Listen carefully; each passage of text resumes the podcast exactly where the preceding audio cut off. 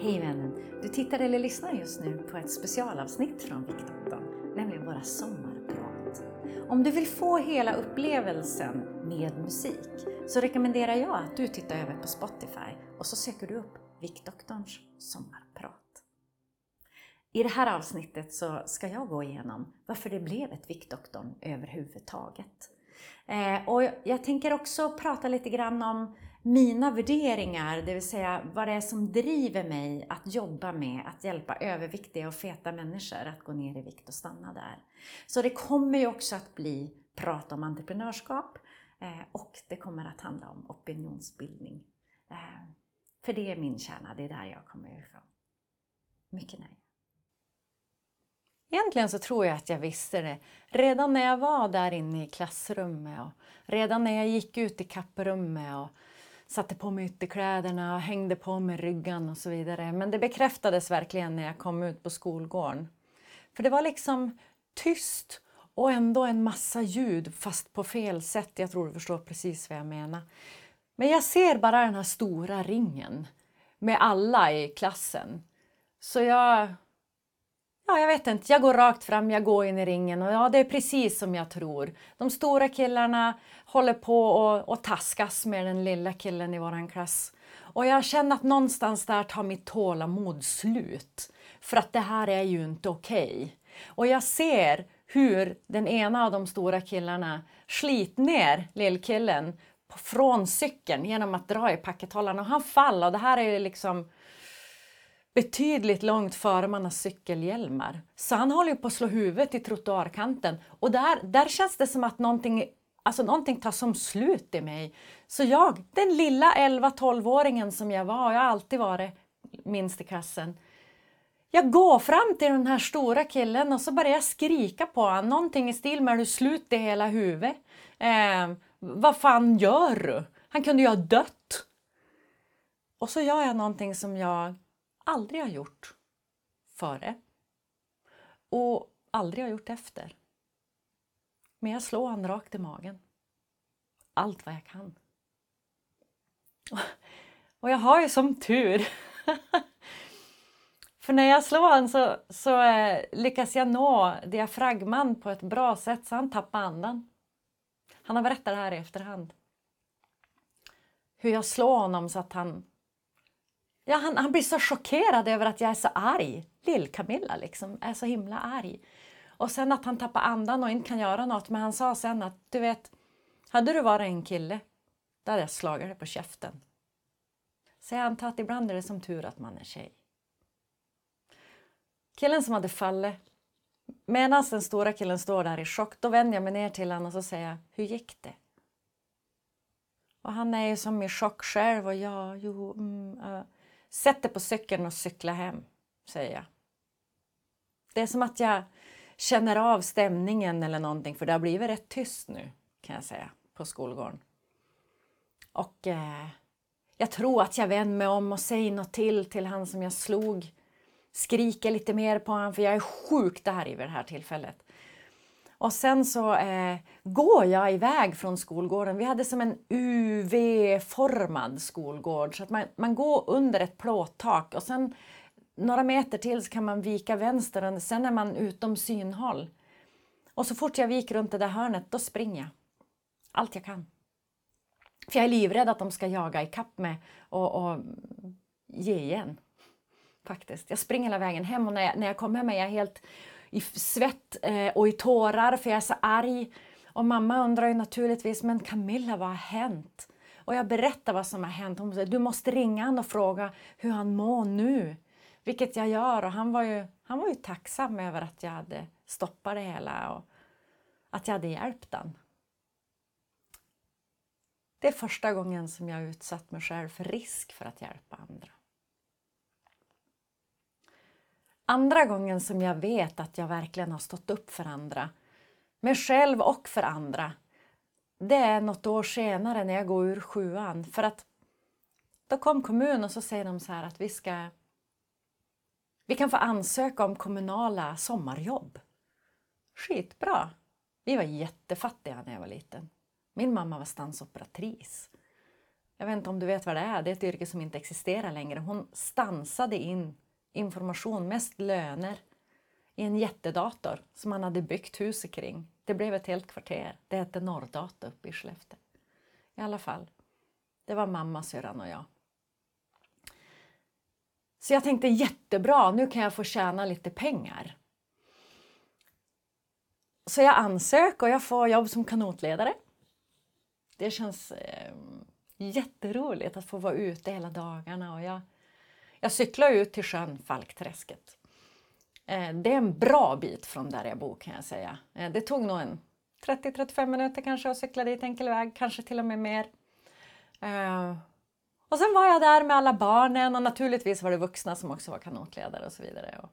Jag var rätt nöjd egentligen. Tills jag insåg att mina klasskompisar som också hade fått kommunala sommarjobb, de tjänade nästan tre gånger så mycket som mig i timmen.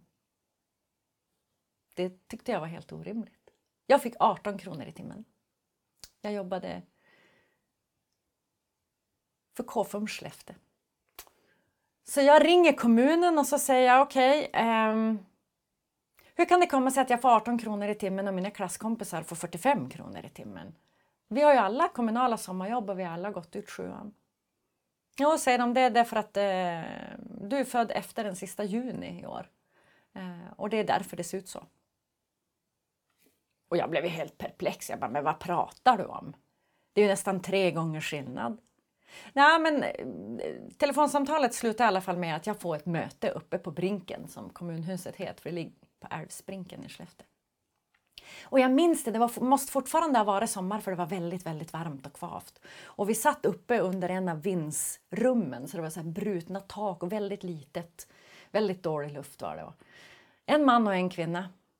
Och när jag kom dit då var jag rätt arg faktiskt. För att då visade det sig att det var liksom inte bara en av mina klasskompisar som hade nästan tre gånger så mycket utan det var ju nästan alla faktiskt. Och jag tar upp det här och jag visar och jag, jag hade skrivit upp namn och precis vart de jobbade och, och, att de då fick den högre lönen. Och, eh, ja, nej men eh, de, de eh, ger mig den enda förklaringen på det hela det är att nej men så ser det ut i arbetslivet. Skämtar du med mig? sa jag någonting i stil med. Tror du på riktigt att jag tror på det där eller? Alltså jag må hända vara ett barn men, men det vet alla att i arbetslivet så får man betalt efter vilken utbildning man har, eh, vilken kunskap man har inom det man ska jobba med och, och ja, men kompetens. Sådär. Det har ju ingenting att göra med om jag är född i juni eller juli samma år. Jag fick inte igenom någon löneförändring för mig själv och alla andra som var födda efter den sista juni. Och jag var ganska besviken när jag gick från det där mötet. Jag tyckte det var genuint orättvist. Men till min stora tillfredsställelse så fick jag höra året därpå att Skellefteå kommun hade ändrat sina regler för sommarjobb för sjuorna. Och året efter fick alla samma lön. Och då kände jag lite att det är rätt. Det är rätt att stå upp när man tycker att något är fel.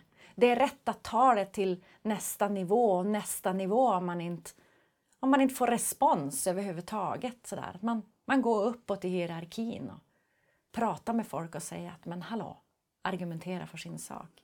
Det kan vara därför jag blev retoriker senare i livet.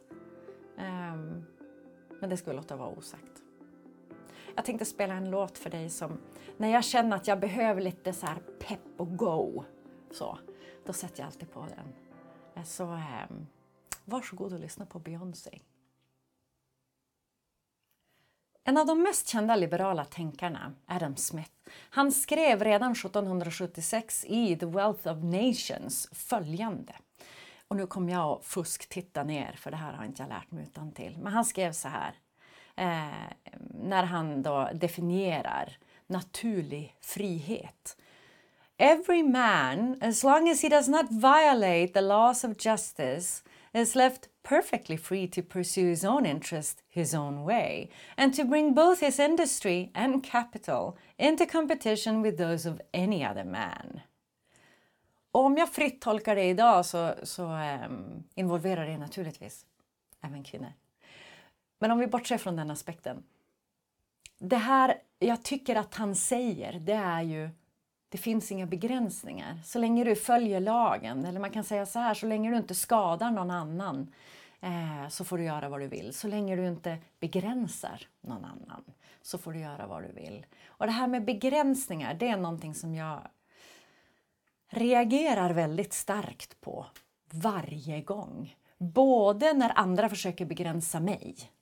Det gillar jag inte alls faktiskt. Jag bestämmer bäst själv över mitt liv. Vad jag tycker och vad jag vill. Faktiskt. Eh, därför tycker jag att det är väldigt skönt att bo i ett land som Sverige där vi faktiskt är relativt fria att bestämma själva. Jag tycker om att vi har skattefinansierad skola till exempel. Därför att då kan jag välja det jag är intresserad av, inte vad mina föräldrar har plånbok till. Och det gjorde jag. Jag pluggade på natur. Sen har vi avgiftsfria universitet. Det är jättebra för att då kan man välja att läsa vidare om man vill oavsett hur föräldrarnas plånbok ser ut. Och det gjorde jag också. Första omgången på universitetet läste jag till matte NO-lärare. Teknik faktiskt också. Matte, fysik, kemi, teknik, biologi. Och det var min första karriär.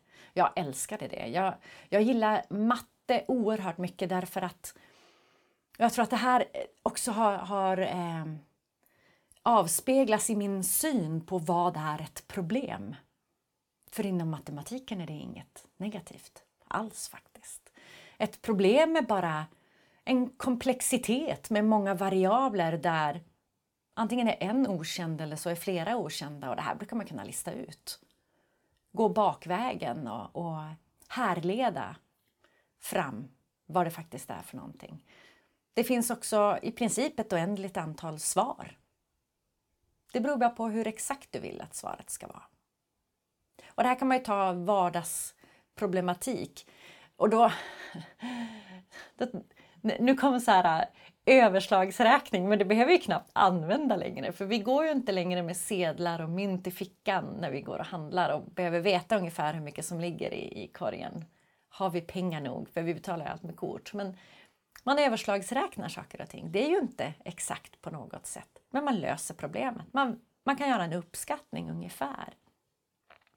Så här ser jag egentligen på alla typer av problem. Faktiskt. Jag tycker inte att de är negativa. Jag tycker att de är ganska intressanta. Det har gjort att jag har varit politiskt aktiv eh, och jag vill bara passa på nu att säga att om du är politiskt aktiv i något av våra eh, partier, tack för att du lägger din tid. Tack för att du gör din röst hörd. För mig spelar det ingen roll vilken sida eh, eller vilket är du blå eller röd? Det spelar mindre roll för mig därför att vad du gör, det är att du gör din röst hörd. Eh, du försöker lösa samhällsproblem utifrån din vinkel, din ideologi. Och det respekterar jag. Jag har nämligen gjort det själv. Och det är väldigt mycket arbete bakom. Men det är också väldigt mycket tillfredsställelse när man kan få gå in i olika politiska församlingar och driva de frågor som man tycker är viktiga. Och för mig är alltså begränsningar väldigt problematiska. Jag tycker inte om dem. Jag tycker inte heller om när man begränsar sig själv. Och det ser jag väldigt mycket på Viktdoktorn. Hur våra deltagare på grund av sin övervikt, på grund av sin fetma inte lever ordentligt. För de vågar inte, de törs inte, eh, de känner sig obekväma. Eh, nu när vi spelar in det här, det här är ju sommar, borde vara sommar i alla fall men Sverige är väldigt kallt just nu. Men säg att det var lika varmt som, att det, var, som det var i början av juni. Då vet jag att vi har deltagare som inte går på stranden och badar för de känns uttittade och det känns inte okej. Okay. Och, och jag blir lite så här, va? Det är det bästa! När man, när man är varm, när det bara solen gassar och det finns ingen vind och det, luften står stilla och det är så skönt att bara slinka ner lite i vattnet. Simma lite, trampa lite vatten, gå upp igen, alltså kyla ner sig. Det gör mig ledsen. Eller att Nej men herregud, inte skulle jag då ta någon glass ute på stan inte. Ser du inte hur jag ser ut? Förstår du inte vad folk tittar dömande på mig om jag gör det? Det här måste ju sluta alltså. Fetma är ju en, en progressiv sjukdom som inte har någonting att göra med individens vilja eller brist på vilja, som jag tror att många tror.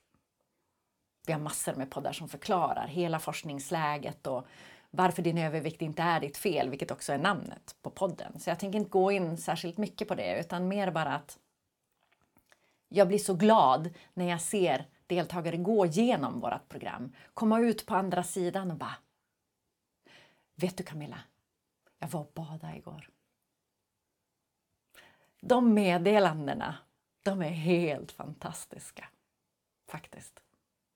Själv så försöker jag att inte låta mig begränsas fastän jag kanske inte riktigt kan. Till exempel så tycker jag att det är oerhört roligt att spela beachvolleyboll och jag är alltså 1,64,5 över havet. Det gör att jag knappt når upp till nät inomhus eh, och det gör att jag definitivt inte når upp till nät utomhus. Och jag har svårt att komma över nät också, särskilt i sand, för det är ännu jobbigare att hoppa. Det här är alltså en idrott som verkligen attraherar långa människor och det struntar jag blankt i för det är så himla kul. Jag struntar också rätt blankt i att jag inte kan språk när jag är utomlands. Det, det som Alltså man brukar kunna lösa det mesta med att peka och gestikulera och skratta lite och rita bilder. Och, även om jag, när jag inte kunde franska, Eh, var i Sydfrankrike och ville ha en visp och jag till slut ritade en bild på en visp. Eh, och, och tanterna i, i husen bredvid de bara, nej vad är det där för någonting? Tills jag lyckades med min då väldigt, väldigt knaggliga skolfranska, den har tack och lov förbättrats sedan dess förklara hur man använder den och de bara Åh! Det är en batteur, en slagare. Och så visar de sina vispar och det är ballongvispar. Man bara, Jaja. Men vi löste problemet, som alltså inte var negativt utan bara någonting som hade många olika sätt att lösas på. Eh, jag, jag tänker jag ska ta en situation där jag faktiskt begränsas också. Eh, för tro inte att jag är någon perfekt människa som inte har några utmaningar alls i mitt liv. Så ser det inte ut. Jag är väldigt rädd för vatten. Och jag tror att det har att göra med att jag nästan drunknade tre gånger när jag var barn. Första gången hade jag som gått ut i vattnet längs med bryggan och räknat sektioner för att kunna hoppa i. Det var bara att jag gick nog en sektion för långt. Och det var tur att pappa satt på stranden. Andra gången skulle jag lära mig simma men som sagt, jag är rätt kort. Och på Eddehallen på Grunda var det för djupt för mig, så jag nådde inte botten. Så jag höll i min kompis och jag höll i kanten och eh, kräktes varje dag för jag svalde så mycket klorvatten. Men så kom den där sista dagen och så skulle man flyta över kortsidan med någon så här flytetyg. Utan den här, vad heter sim... Och den här grejen man satt runt magen för att flyta. Och jag var väl sist ut. Och jag ser hur de andra de plaskar på med fötterna och de tar sig över på andra sidan. Och jag ser hur jag ser upp genom eh, vattnet hur min simlärare eh, plötsligt kastar av sig träskorna och, och tröjan han hade på sig och hoppade i och slet upp mig. Och jag behövde inte eh, fortsätta i simskola efter det, faktiskt. Eh, men året därpå, året därpå då var jag längre. Då nådde jag botten. Då gick det bra. Och sen började jag faktiskt simträna för att jag är lite sån. Um, när jag är rädd för någonting så gör jag det lite oftare. För att försöka lära min hjärna att det var inte så farligt.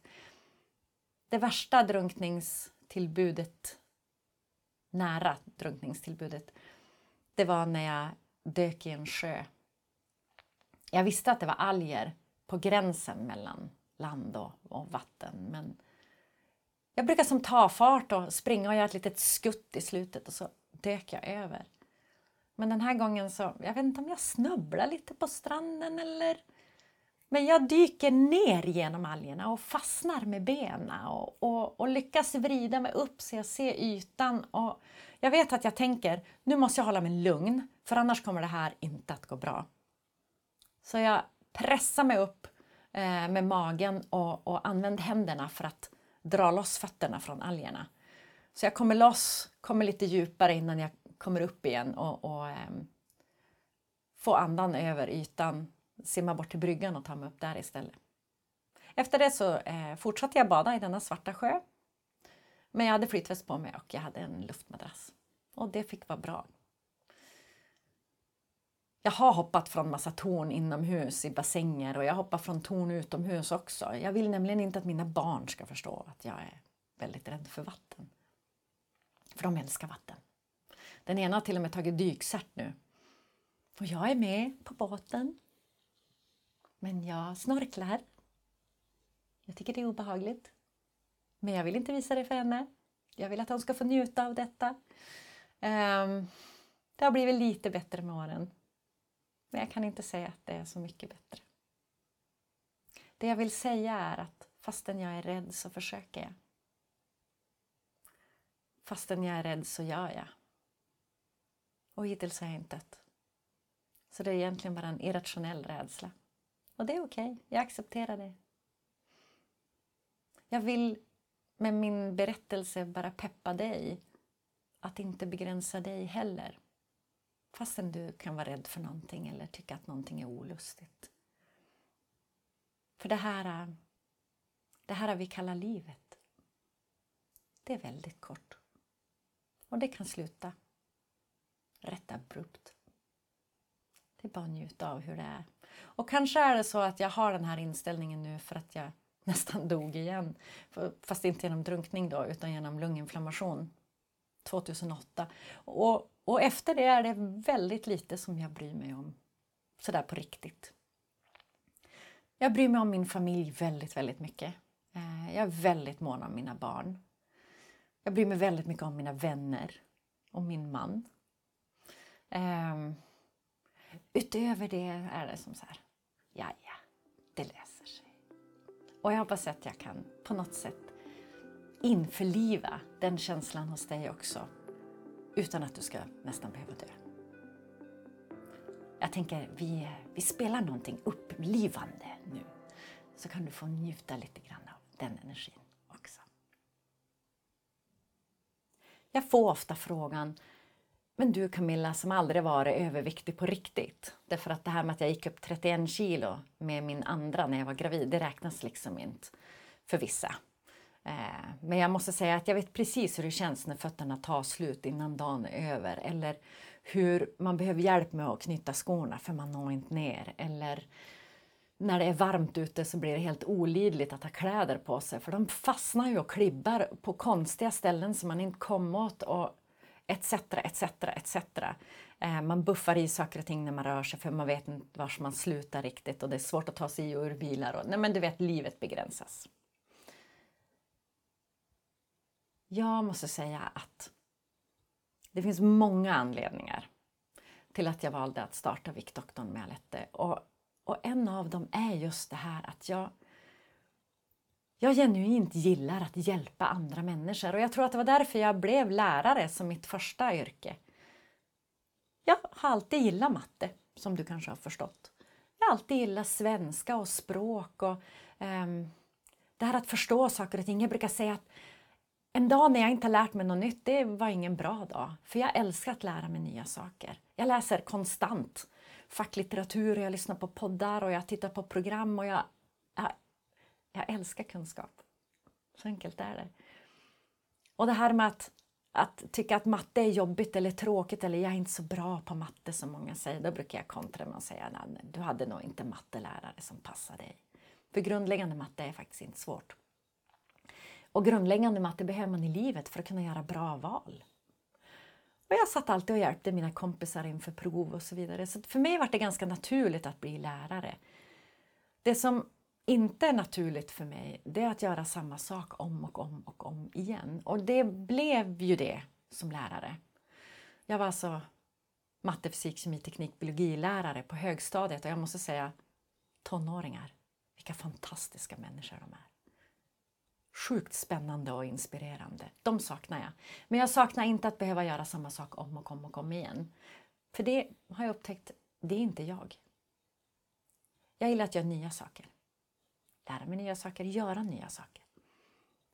Så när jag är hemma med min andra så känner jag att det inte är rätt för mig att gå tillbaka till mitt lärarjobb. Utan istället så söker jag och kommer in på IHR. Det stod för Institutet för högre reklam men sen blev det Institutionen för reklam och PR på Stockholms universitet och det var, det var sjukt spännande. Alltså vi läste allt ifrån retorik och semiotik och vi läste konsumentbeteende och marknadsanalys och ledarskap och ekonomi, grundläggande företagsekonomi etc. etc. Ehm, jag tyckte det var helt fantastiskt faktiskt. Och eh, efter det så började jag på en av Sveriges största PR-byråer. Där lärde jag mig att jobba som konsult, för jag kom ju från skolans värld. Hur ska man driva ett företag? Hur är det här med avtal och kontrakt och hur fakturerar man? Och det var en väldigt bra skola för mig. Och jag tyckte att det var jätteroligt. Eh, tills jag var i en situation där jag blev tillfrågad om att ta ett uppdrag som jag inte kunde ta inom ramen av det här PR-byrån. Och jag kände att det här vill jag göra. Jag vill verkligen göra det. Och vdn, dåvarande vdn sa Camilla, bara ta uppdraget. Så då gjorde jag det och startade eget, Retorikiska. Så det är det första företaget jag har startat. Och det roliga är egentligen att jag trodde alltid att jag var en sån där som ville vara anställd, som ville ha tryggheten med att en lön skulle komma in hela tiden. Och, eh, så visade det sig att nej, men det, det brukar lösa sig. Allting går bara man vill, säger pappa. Och det gör det faktiskt, nästan i alla fall. Så att eh, jag drev retorikiska intensivt i kanske ett decennium. Jag tror nämligen att retorik är grunden för demokrati. Och som du redan har förstått så är jag väldigt intresserad av demokrati och politiska samhällsfrågor helt enkelt. Varför är då retorik grunden för demokrati? Jo, därför att de, ju fler människor som kan, som förstår, som har tränat på att argumentera för sin sak, desto fler kommer att våga göra sin röst hörd och då ökar demokratin i vårt samhälle. Är det någonting av det jag säger som resonerar i dig, gå in på retorikiska.se. Jag har hundratals bloggposter. Alltså jag vet inte, när jag räknade sist så var det kanske 600-700 bloggposter. Där jag bara går igenom olika aspekter av retorik och semiotik framför allt, men även kommunikationspsykologi. Jag har en härskarteknikskola till exempel, det jag går igenom Berit Ås klassiska. För att hjälpa andra människor att bättre kunna argumentera för sin sak. Jag tycker fortfarande att det är väldigt, väldigt spännande. Och jag gör lite av det på Viktdoktorn. Hur hanterar du besvärliga människor i din omgivning till exempel? Hur pratar du med familjen så att de ska stödja dig eh, när du har bestämt dig för att göra din sista viktresa? Sådana saker. Jag, jag tycker om det. Jag tänker så här också. Varför varför vill människor hjälpa andra människor trots att de själva inte är drabbade av det? Ett, det är väl en... Nu höll jag på att svära för att jag är ju ändå från Skellefteå. Men det är väl en, en eh, väldig tur att det finns människor som vill arbeta för frågor som inte direkt drabbar dem själva. Hur skulle det annars se ut med kvinnlig rösträtt i Sverige till exempel? Nu fick ju vi det 1921 efter två omröstningar och det var ju för att även män tyckte att kvinnor skulle ha rösträtt. Även om vi inte var lika tidigt ute som är det Nya Zeeland som var först ute. Och vi har definitivt mycket tidigare ute än det sista landet, Saudiarabien. Det tror jag var mm, 2015 kanske. Eh, jag tror att det bara är en stat i hela världen som inte tillåter att kvinnor röstar längre och det är Vatikanstaten när de ska fram, ta fram nya påven. Men Eh, bortsett från det, det, det finns ju massa andra saker och ting som vi vill förändra i vårt samhälle. Till exempel, eh, vi ser att psykisk ohälsa växer. Tänk om det bara var psykiskt sjuka människor som skulle argumentera för sin sak att, att vi måste ta hand om varandra bättre i vårt samhälle. Jag tror inte att förändringen skulle ske särskilt snabbt om det var så. Och, och detsamma tänker jag med människor med fysiska funktionshinder som till exempel Människor som av olika anledningar sitter i rullstol och behöver ramper för att komma in i offentliga byggnader. Tänk om det bara var så att de, det var bara de som satt i rullstol själv som hade rätten att prata om att det här är ett problem i vårt samhälle. Det är inte så förändring sker. Förändring sker när vi är överens om saker och ting, när vi är en majoritet, när vi driver frågor tillsammans. Det här med att driva frågor tycker jag är väldigt intressant också. Men jag kommer tillbaka till det. Jag tänker att nu ska du få lyssna på någonting som eh, jag tycker är väldigt inspirerande, som ger mig en massa energi. Det kan vara så att det, det inte gör det för dig och i sådana fall så skippar du bara vidare. Men det här, när jag känner att jag behöver komma igång, när jag behöver få upp energin och bara känna Go, go, go Camilla! Då sätter jag på Dodge the Dodo med Esbjörn Svensson. Jag kommer aldrig att glömma när Alette ringde mig när hon har suttit på den här föreläsningen som förändrar hela hennes liv. Därför att hon har insett att min övervikt är inte mitt fel. Jag har en vikttermostat i hjärnan, i den del av hjärnan vi inte kan styra med vilja, det vill säga överlevnadshjärnan. Och det är ungefär som att säga åt en människa, håll andan i fyra timmar. Lika omöjligt är det för människor som har en felinställd, jag brukar säga felkalibrerad vikttermostat, att sluta äta. Och hur lycklig hon var! Alltså hon var så här fnittrad, hon kunde knappt, hon kunde knappt prata ordentligt. Det är pandemi och eh, vi ses inte särskilt mycket.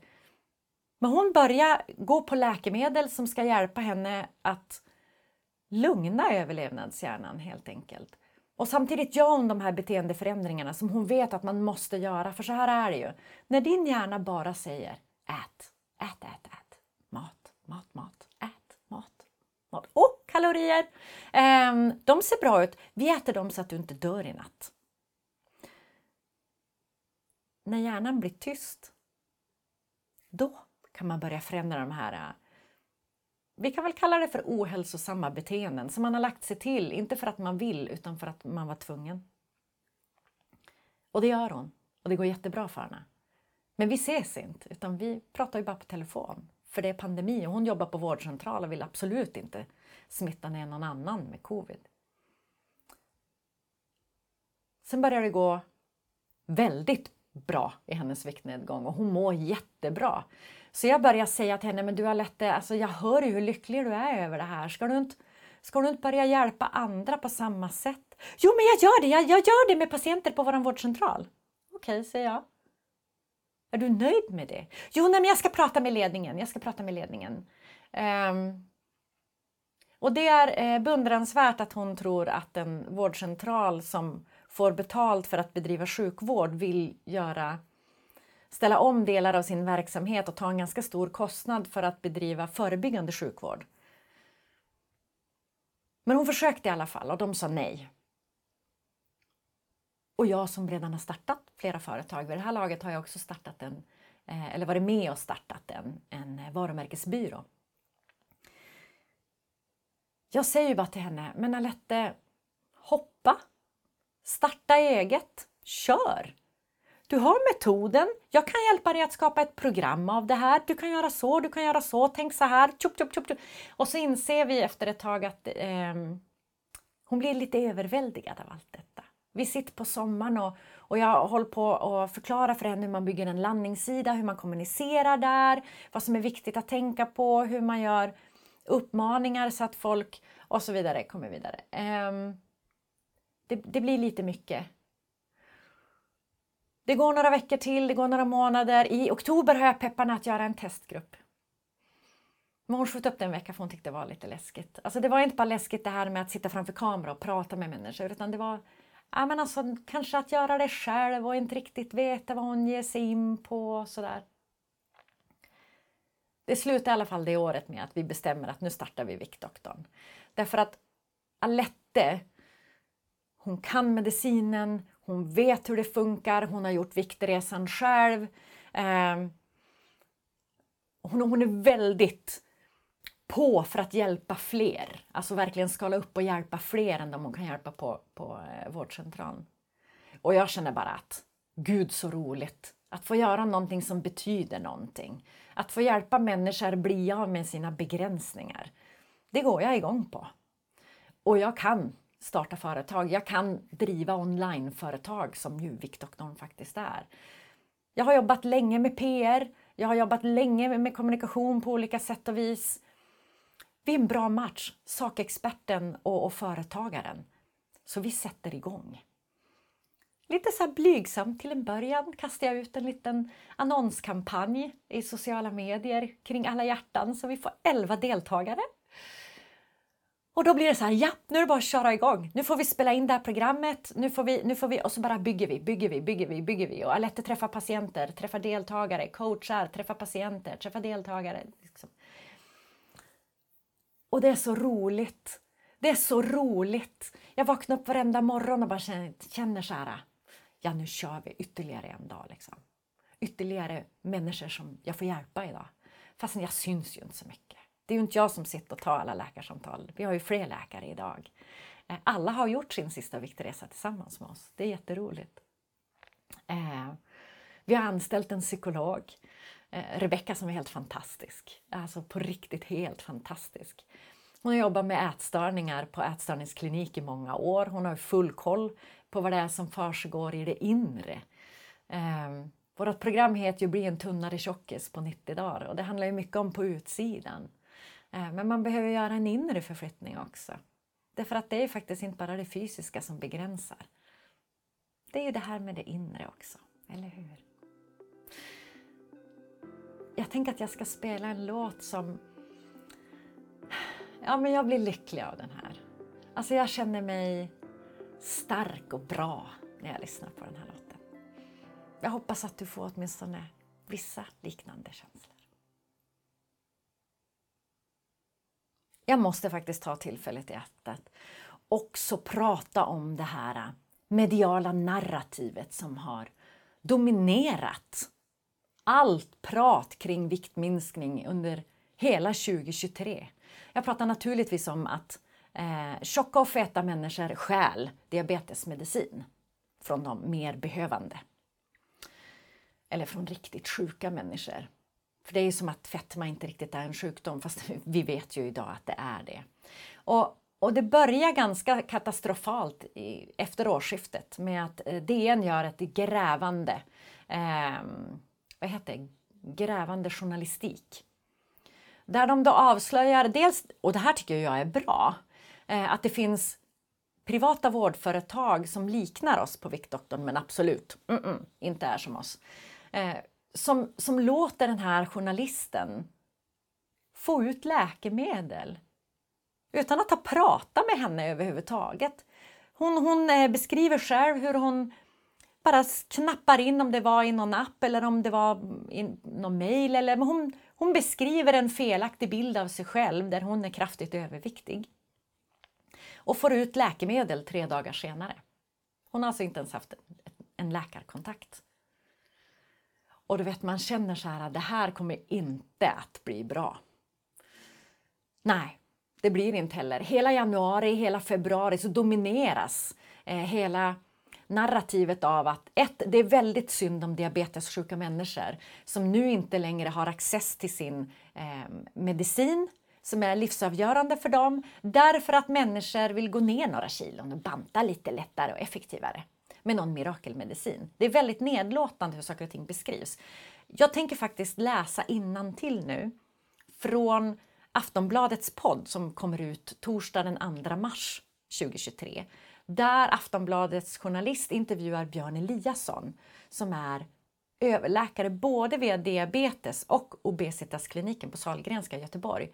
Eh, jag återkommer till varför jag tycker att just det här är väldigt intressant. Men så här, så här beskrivs det i poddavsnittet. Rubrik Bantningstrenden som hotar diabetiker. Observera tonen hela tiden i hur det här formuleras. Diabetesmedicin som bantningsmedel, ja, det är den nya trenden som bland annat The Kardashians hakat på och som nu har fått spridning via sociala medier. Men det här nya användningsområdet för medicinen, som oftast går under namnet Ozempic, har också skapat problem. Det larmas om att diabetessjuka världen över nu blir utan sin medicin när den även börjar skrivas ut mot övervikt. Det berättas också att den inte bara skrivs ut till medicinskt överviktiga som faktiskt kan behöva medicinen utan också till de som snarare är sugna på att gå ner några kilon. Hur allvarlig är bristen på Ozempic? Är det brist på medicinen även i Sverige? Är det verkligen en mirakelkur för viktminskning så som de i Hollywood påstår? Hur orolig bör man vara som diabetiker? Gäst Björn Eliasson överläkare på diabetesmottagningen och på obesitasmottagningen på Sahlgrenska universitetssjukhuset i Göteborg. Varför jag tar just den här, det är för ja, men först den nedlåtande tonen. Eh, men också för att Björn Eliasson sitter faktiskt i den här podden och säger Nej, jag köper inte ert narrativ, ni har helt fel. Tror ni att Björn Eliasson blir intervjuad av TV4, av SVT som också haft paneler med människor som tycker till om saker och ting? Som kanske inte är riktigt så pålästa, som kanske inte har läst forskningen och sett att det här är ett paradigmskifte på riktigt. Alltså att vi, vi går från att tro att någonting är sant till att se att det är falskt. Och det är någonting helt annat egentligen. Nej. Så vill du höra vad överläkaren på Sahlgrenska säger, då måste du lyssna på det här poddavsnittet. Han säger bland annat att diabetessjuka världen över har inte blivit av med sin medicin i singular. Det finns flera mediciner i plural för diabetessjuka som hjälper dem att hantera sin sjukdom. Jag har för mig att han säger att det finns ett 20-tal diabetesmediciner, men där vill jag inte att du tar mig på orden utan att du lyssnar på poddavsnittet istället. Det är också så att människor som har sjukdomen obesitas, alltså fetma, har flera olika läkemedel som de kan få stöd av. Och det här vet ju jag är helt sant, för att så är det ju hos oss på Viktdoktorn. Det finns ju inte bara ett läkemedel. Eh, det finns ju flera olika substanser som hjälper människor. Som lugnar överlevnadshjärnan, som på olika sätt påverkar kroppen så att det blir tyst i huvudet. Det är så våra deltagare beskriver det. Camilla, det är tyst i mitt huvud nu. Jag kan tänka på någonting annat än mat. Och de tycker att det är helt underbart. Sen vill jag också eh, slänga in lite tankar kring det här med att EU efter pandemin inser att repurposing borde vara någonting som man mer systematiskt arbetar med. Och vad betyder då det? Jo, alltså vi vet, vi vet att det, det forskas fram en substans som visar sig ha medicinska effekter på en viss typ av sjukdomar, tillstånd, medicinska tillstånd, vad det nu heter. Jag är inte läkare. Och allt eftersom som den här substansen används så ser man att oj, de här människorna får andra positiva effekter också på andra medicinska tillstånd. Vad bra! Det är nämligen så att, ta bara antihistamin. De gamla sortens antihistaminer, nu borde jag egentligen eh, slå upp vad, vad det här... Eh, jag ska se om jag fortfarande har fliken uppe. Men gamla sortens antihistaminer, de hjälper ju vid allergier. Sådär. Pollenallergi som jag har, väldigt svår faktiskt. Ehm, jag brukar få välja mellan att antingen bli helt däckad av pollenet eller bli helt däckad av att ta medicin. Läkarna säger att de här gamla typerna av antihistamin har en viss sedativ effekt, det vill säga man blir lugn och trött. Så den används faktiskt idag till människor som har sömnsvårigheter för att de lättare ska somna på kvällarna. Det används också till människor med astma, med KOL. Eh, jag vet att det används också för slemdämpande eh, hos människor.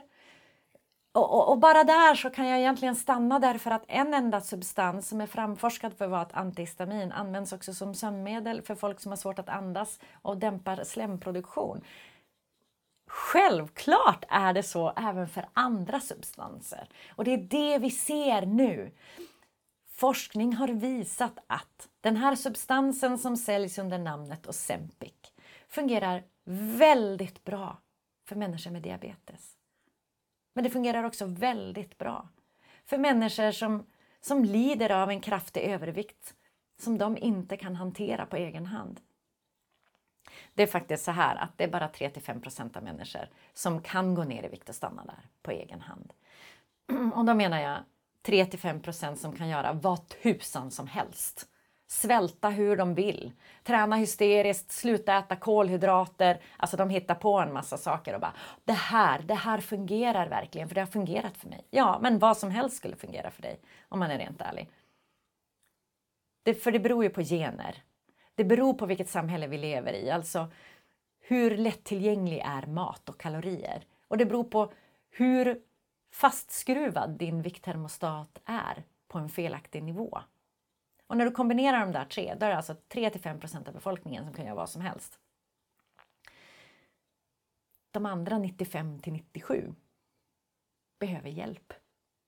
Och om vi tittar på, jag tror att i eh, Isabelle Hadley Camps eh, ledare i DN tidigare i veckan, att hon skriver att följdsjukdomar av fetma, det vill säga diabetes, hjärt och kärlsjukdomar, lunginsufficiens etc.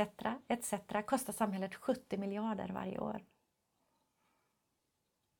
Är det inte dags att vi bara ser individen ska inte längre behöva begränsas av sin kroppshydda, av följdsjukdomar eller följdsymptom. Jag vet det är jättemånga som har haft högt blodtryck på grund av sin fetma som när de börjar gå ner i vikt du vet, man behöver bara gå ner, är det 5 av, av ursprungsvikten, så börjar man få väldigt goda hälsofördelar. Det handlar inte om att gå ner till en normalvikt på BMI-skalan och det måste jag också bara flagga för att jag tycker inte att BMI är särskilt bra mått. Churchill säger ju om demokrati att det är ett av de sämsta sätten att driva en stat. Det är bara det bästa vi har kommit på hittills. Det är lite som med BMI också. Men om man nu är på fetmaskalan och det bara fortsätter uppåt, vad ska man göra då? Jo, man behöver få hjälp. Och det ska vi i samhället göra, tycker jag. När nu offentlig sektor inte riktigt har de resurser som de skulle behöva för att kunna ta hand om det här också, så finns det vi, privata aktörer, som ser ett problem i samhället och vi på Viktdoktorn vill genuint vara en del av lösningen. Vi lägger väldigt mycket tid på våra deltagare. Det är coachningar, det är andra typer av livesessioner, det är att utbilda teoretiskt. Vad säger forskningen inom de här olika beteendeförändringsområdena till exempel? Varför är det så viktigt att eh, vad säger forskningen inom medicin? Hur fungerar kroppen? Hur fungerar alla hormoner? Vad behöver du göra? Vad behöver... Allt det där. Det tycker vi är väldigt roligt att få jobba med. För vi hjälper andra människor till ett bättre liv. Sista låten som jag kommer att spela för dig är av en oerhört framgångsrik artist som jag beundrar. Snacka om att detta är en kvinna som överlevde på popcorn tydligen i början. Väldigt musikalisk men också väldigt businessinriktad som har drivit upp sitt eget företag till att vara en av världens mest framgångsrika artister. Och när hon sjunger följande låt så vill jag att du ska tänka att det där dansgolvet som hon pratar om, det är det vi kallar för livet. Jag hoppas att jag har lyckats inspirera dig under det här sommarpratet till att sluta begränsa dig själv och stå upp för dig själv i högre utsträckning. Och gärna stå upp för andra också. Om det hjälper dig i tanken att stå upp för dig själv, att jag gör det för att andra också ska få det bättre. Good for you. Bara kör. Och så eh, hoppas jag att vi ses och hörs snart igen. Ta hand om dig och ha en underbar fortsättning på resten. Du har just tittat eller lyssnat på ett specialavsnitt av Viktdoktorns podd, nämligen våra sommarprat. Har det här väckt intresse? Blir du nyfiken? Vill du veta mer? Vill du komma i kontakt med oss? Eh, vill du att vi ska meddela dig varenda gång vi kommer ut med en ny podd? I sådana fall gå in på viktdoktorn.se podden och skriv upp det där så hörs vi snart igen. Ta hand om dig. Hejdå!